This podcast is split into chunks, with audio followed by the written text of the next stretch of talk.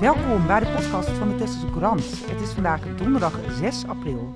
Mijn naam is Judith Ploegman. In deze uitzending hoort u ook Denise Barhorst en Sophie Snowden. En dit is het nieuws van deze week. Onze verslaggever Gerard Timmerman onderzocht een opmerkelijke zaak voor de krant van vrijdag. Bij de aanleg van de rotonde op de Kogerstraat in 2010 zouden de stoffelijke resten van twee Georgiërs gevonden zijn. Om de werkzaamheden niet te hoeven onderbreken, zouden zij een stukje verderop zijn herbegraven. Een luchtfoto dient als mogelijk bewijs. Daarop is een kuil te zien met contouren van wat menselijke resten zouden kunnen zijn. Gerard dook in de kwestie en sprak met Ben van Kralingen uit Den Helder. Van Kralingen is een kenner van de zogenoemde Russenoorlog. Hij zegt dat het om de lichamen van Ian Shota Bocciorivishvili en Shimon Lortkipana Disse zou kunnen gaan. In maart 1945 lopen deze Georgische soldaten in de duinen om konijnen te stropen. Zij stuiten op een landmijn en komen beide om het leven. De opstand is dan nog niet begonnen. De Georgiërs zijn op dat moment nog in dienst van de Duitsers en worden begraven op het Duitse Ereveld op de begraafplaats aan de Kogerstraat. Maar op 1 april breekt de Georgische opstand uit. De Georgische soldaten komen uit barre omstandigheden van Sovjet-krijgsgevangenenkampen en zijn min of meer gedwongen door de Duitsers op Texel gelegerd. Als de Duitsers aan de verliezende hand zijn, vrezen zij voor hun leven. Ze worden zowel door de Sovjets als door de Europeanen als landverraders gezien en vrezen voor de gevolgen. Het gaat de boeken in als Europa's laatste slagveld. Honderden mensen komen om in een bloederige strijd: Tesselaars, Georgiërs en Duitsers. De Duitsers zijn verbolgen over de geleden verliezen. En daar wordt het verhaal nog spannender. Johan Kuik uit Zandvoort werkte destijds op Tessel. Hij krijgt de opdracht Georgische mannen te herbegraven in het toenmalige barakkenkamp op de plek van de huidige rotonde. Maar de man raakt vermist. Op 28 juli 1945 meldt de Tesselse Courant dat hij al sinds 7 april wordt vermist. Die middag is hij nog gezien, lopende met een, grote Duitse militair op de Kogerweg, waarschijnlijk richting Den Burg. Dat voorspelt niet veel goeds. Op 27 april 1947 schrijft de Tesselse Courant dat zijn lichaam gevonden is in het graf waarin hij de Georgische mannen had moeten herbegraven. De krant heeft in een verslag van de rechtbank in Alkmaar teruggevonden dat Johan Kuik op 7 april is doodgeschoten door de Duitser Wert. Kuik zou het herbegraven van de Georgische mannen gesaboteerd hebben, omdat hij een meer dan vriendschappelijke verhouding met een Georgiër had. Van wie zijn dan de stoffelijke resten die in 2010 gevonden zijn? Zijn de Georgiërs uiteindelijk toch herbegraven of zijn het andere mannen? De Georgische Sulkan Amir Anashvili kaart het aan bij de burgemeester. Een ambtenaar boog zich over de kwestie, maar toen kwam corona en stopte het onderzoek. Hij hoopt dat het gemeente het onderzoek snel weer oppakt en de mannen een eervolle plek geeft. Identificatie is een kleine moeite, zegt hij. De Stichting Georgische Cultuur Nederland heeft al laten weten de kosten voor een herbegrafenis op zich te willen nemen. U leest meer over deze opmerkelijke zaak in de krant van vrijdag. En ook in de krant van vrijdag een interview met wethouder Riekes Kieft over de omgevingsvisie. In de omgevingsvisie worden algemene afspraken vastgelegd over hoe Texel er in de toekomst uit zou moeten zien. Het is de basis voor bestemmingsplannen. De gemeente wil de komende weken van Tesla's horen hoe zij daarover denken. Dat wordt gedaan met een mediacampagne en met bijeenkomsten in de dorpen. Er komt veel op ons af, zegt Kieft tegen onze hoofdredacteur Job Schepers. Denk aan stikstofmaatregelen, aan droogte, aan hitte, aan zeespiegelstijging en aan toenemend toerisme. En al deze zaken hebben invloed op hoe het eiland wordt ingericht en waar er kan worden gebouwd. Kieft vindt het jammer dat er Tesselaars zijn die het gevoel hebben dat er niet naar hem wordt geluisterd. Hij snapt het wel, zegt hij, want de gemeenteraad voert plannen niet altijd zo uit zoals mensen dat graag zouden willen. Het is ook niet altijd makkelijk om te begrijpen hoe de gemeente werkt en wat er wel en niet kan. Maar, zegt hij, de gemeenteraadsleden hebben input van de burgers van Tessel nodig, want daarvoor zitten ze er. We moeten het samen doen, benadrukt hij. In de krant van vrijdag leest u er meer over. En wie liever luistert, Job sprak Riekes ook voor de podcast In Gesprek Met. Dat interview verschijnt komend weekend online. Houdt u daarvoor ons Spotify-kanaal in de gaten. Een teleurstelling. Kinderen van de Thijserschool, oud-leerlingen, wethouder van de Belt en een paar gemeenteambtenaren zouden vanmorgen een tijdcapsule uit het oude gebouw aan de Keesomlaan halen. Want de sloop gaat beginnen en in 1953 werd, tegelijk met de eerste steen, een lode buis in de muur gemetseld. Die buis was bedoeld als verrassing voor vinders in de toekomst. Er zit onder andere een oorkonde in van vier Tesselse tweelingen. Maar helaas, de tijdcapsule is niet gevonden. De wethouder denkt dat de buis op een andere plek is ingemetseld en dat hij nog wel tevoorschijn gaat komen. De sloper heeft de opdracht gekregen om extra goed op te letten. De sloop van de drijverschool in Den Hoorn loopt opnieuw vertraging op. Het specialistische bedrijf dat het asbest zou moeten afvoeren, loopt tegen administratieve strubbelingen aan. Eerder liep de sloop al vertraging op door vleermuizen en mussen. Naar verwachting kan het bedrijf pas na Pasen starten. Op de plek van de school komen 32 woningen, waarvan 20 sociale huurwoningen. De start van de bouw staat gepland voor eind 2023 en loopt vooralsnog geen vertraging op, laat de gemeente weten. Een wervelende show, zo noemde mijn collega de Great Dancing Circus. Afgelopen zaterdag stonden de dansers van kunstenschool Artex in de evenementenhal in de Koksdorp. De show werd als uiterst professioneel ervaren. Er was lof voor de regie, de choreografieën, de belichting en het geluid. En voor één danser in het bijzonder, Sophie Snowden. Ze is hier samen met het brein achter de show, Artex danscoördinator Denise Barhorst. Welkom allebei. Dankjewel. Denise, wil jij om te beginnen eens een beschrijving geven van de voorstelling voor de mensen die er niet waren? Zeker.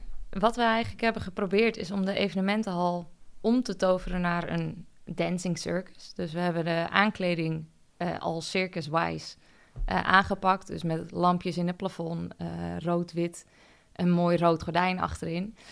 En um, we hebben eigenlijk de dansers omgetoverd in alle verschillende artiesten die je eigenlijk in een circus ziet. Denk aan een koorddanseres, uh, vuurspuwers, de circustentjes. We hadden eigenlijk van alles. En middels het theater hebben we de changementen gedaan. En hebben er eigenlijk een hele ja, snel lopende show van kunnen maken. En ik hoorde een leuk detail dat de gordijnen, de rode gordijnen die gebruikt werden, uh, uit de danszaal van de Artex komen. Uit de voorspeelruimte. Uit de voorspeelruimte, ja, ja. Zeker, we hebben onze eigen gordijnen gewoon meegenomen. dat moet een klusje zijn geweest om hier op te hangen. Ja, nou gelukkig konden we die iets eerder brengen en hebben de mensen van de Krim ons daar uh, onwijs mee geholpen. En vervolgens moet je een aantal mensen erachter zetten die braaf uh, de gordijnen open en dicht doen. Voor alleen al de gordijnen is dat een behoorlijke taak. Ja, ja. Hoe, hoeveel tijd heb je eigenlijk nodig voor zo'n productie? Hoe lang duurt het om zoiets te organiseren? Ik denk dat ik ongeveer een jaar geleden ben begonnen met de eerste ideeën. Um, om te bedenken wat voor thema wil je en dat soort dingen. Nou, daar gaat eigenlijk al heel veel tijd in zitten. En qua choreografieën ben ik na de herfstvakantie begonnen. Dus toen zijn we echt wat meer uh, er echt op ingegaan. En vanaf september was ik natuurlijk al bezig met regelen bij de Krim en dat soort dingen. Dus ja, reken een jaar in totaal en drie kwart jaar denk ik zeker, waarin er echt al dingen geregeld werden. En nu wordt er elke twee jaar zo'n grote dansvoorstelling geregeld uh, door Artex. Ja. Eerder was die in de Koningshal, vertelde jij al. En tegenwoordig is die in de Krim, waar je uh, eigenlijk ook een heel professionele ruimte hebt. Ja, en ja. veel mogelijkheden. Ja, zeker. Ze hebben daar een gigantische lichtstellage hangen uh, waar ze van alles mee kunnen. Dus dat, ja, dat is eigenlijk natuurlijk een droom als je daar binnenkomt, dat je denkt wat hier allemaal mee kan. Dus dat is heel fijn dat we daarmee kunnen samenwerken. Ja, er waren 420 mensen, vertelde jij, hè? Ja. Er waren 420 mensen. Is dat ongeveer vergelijkbaar met wat er eerder ook in de Koningshal kwam? Of is dat een veel groter publiek? Uh, in de Koningshal konden we volgens mij 400 mensen kwijt. Normaal deden we dat dan vaak wel twee keer. Een keer op zaterdagavond en een keer op zondagochtend, middag. Maar nu hebben we er wel voor gekozen om het gewoon maar eenmalig te doen. Want het is ook voor de leerlingen best wel een uh, uitdaging om dus helemaal naar de krim toe te gaan. En uh, het was een lange dag, omdat ze er ochtends al moesten zijn voor de generalen. Dus dat wilden we dan uh, gewoon centreren op één dag. Gewoon één keer een goede show. En dat is gelukt. Ja, zeker. En over leerlingen gesproken, Sofie, hoe was dat voor jou als koorddanser? Ja, ik vond het heel leuk om te doen. Ik vind sowieso altijd op podium of optredens hebben vind ik echt geweldig om te doen. En dan zeker een solo hebben was stiekem wel een beetje een droom. dus dat het dan ook echt mocht, daar was ik heel blij mee. En dat het ook gewoon goed ging. Dat is, uh, ja, ik vond het heel leuk om te doen. Ja, het werd heel goed ontvangen. Je werd echt gezien als de ster van de show. Hey, en hoe is dit tot stand gekomen voor jou? Hoe ging dat? Werd je door Denise gevraagd... Hey Sophie, ik heb een hoofdrol en ik zie jou als koorddanser? Nou, we hebben wel eens een open dag gehad. En toen had ik een beetje mezelf voorgesteld van... oh, ik wil ook wel eens iets alleen doen. En toen met de grote voorstelling kwam Denise naar me toe van... ja, als je wil, mag je in je eentje. En toen hebben we een beetje samen bedacht wat het dan voor dans zou zijn en wat ik dan in het circus zou zijn. En ehm, wat voor dans doe jij? Uh, ik zit nu bij een groep The Movement. Die wordt dan niet door Denise gegeven. En daar doen we vooral een beetje dancehall-achtig. Maar ik heb ook heel lang op ballet gezeten. En dat heb ik dan ook voor mijn solo. Uh, was ook ballet. En dat vind ik wel, dat is wel mijn favoriete stijl. Het is alleen jammer dat ik daar geen les meer in mag krijgen. En dan zit ik bij Denise bij Art Extra. En daar is ook altijd een beetje verschillend. We van alles eigenlijk. Dan, uh, dan sluit je allerlei dansstijlen op elkaar aan eigenlijk. Ja, een beetje. Ja. ja, want jij vertelde net al, Denise, dat jij uh, allround opgeleid bent als uh, dansdocent. Zeker. Ja, kun je daar iets over vertellen? Ja, ik ben, uh, ik ben zelf ook wel klassiek geschoold. en ik heb ook volksdans gehad. Ik dans op dit moment nog in een letinformatieteam. Dus ik heb eigenlijk allemaal verschillende stijlen. en ik geef dus op Artex geef ik modern en strident. En in het selectiegroep bij Art Extra probeer ik ook wat high heels erin toe te passen. Wat is dat, high heels? Ja, dus dansen op, op hoge hakken eigenlijk. En, uh, en een beetje de, de Latin heb ik er ook wel in proberen te verwerken. Dus zij mochten ook openen met een dans op hakken. Hoe was dus, dat? Ja, heel leuk. Ja, niet was... spannend? Nou, de eerste keer dat we het deden op hakken was dat wel even kijken hoe het voelt. Want het is natuurlijk heel anders dan gewoon op sneakers of op sokken of zo. Maar voor mij persoonlijk was het eigenlijk na de eerste keer ging het uh, best wel goed. En vond ik het alleen maar leuk om te doen. Ik weet wel dat een paar van die meiden die hebben thuis de hakken aangehad om rondjes door huis te lopen. Om even het gevoel te krijgen van, oh ja, hoe voelt het eigenlijk op van die hakken? En, ja, hoe bewaar je je evenwicht, kan ik me voorstellen. Ja, ja en het, het, is wel, danshakken zijn natuurlijk al wel weer anders dan de gewone hakken. Maar het scheelt, Sophie Lilo wel vaker op hakken volgens mij. Ja. Dus dat scheelt altijd al wel iets. Uh, Sophie, is dit iets wat jij ook ambieert voor de toekomst, dansen? Ik heb er wel over nagedacht. Uh, maar als ik professioneel zou willen dansen, zou ik dat heel graag in het theater doen. En dat is gewoon op mijn leeftijd best wel lastig om nog uh, te krijgen. Ik ben dan, dan zou je daar eerder bij, mee moeten beginnen. Ja, en dat is natuurlijk, ja, daar ben ik nu al te laat mee. dus ik wil heel graag make-up artiest worden. En daar ben ik dan ben ik voor aangenomen. In Amsterdam wil ik dan naar school gaan. En dan wil ik het liefst achter de schermen in theater en, op het, en bij toneel werken. Zodat ik alsnog een beetje uh, wel in die wereld blijf. Wat leuk, uh, make-up artiest. Waar, waar doe je dat in Amsterdam? Welke opleiding biedt dat aan? Uh, het ROC Amsterdam-Zuid. Die heeft een opleiding voor make-up artiest en haar. En daar ben ik dus voor aangenomen. Ja, en, en gaan er mensen van, van Tessel mee?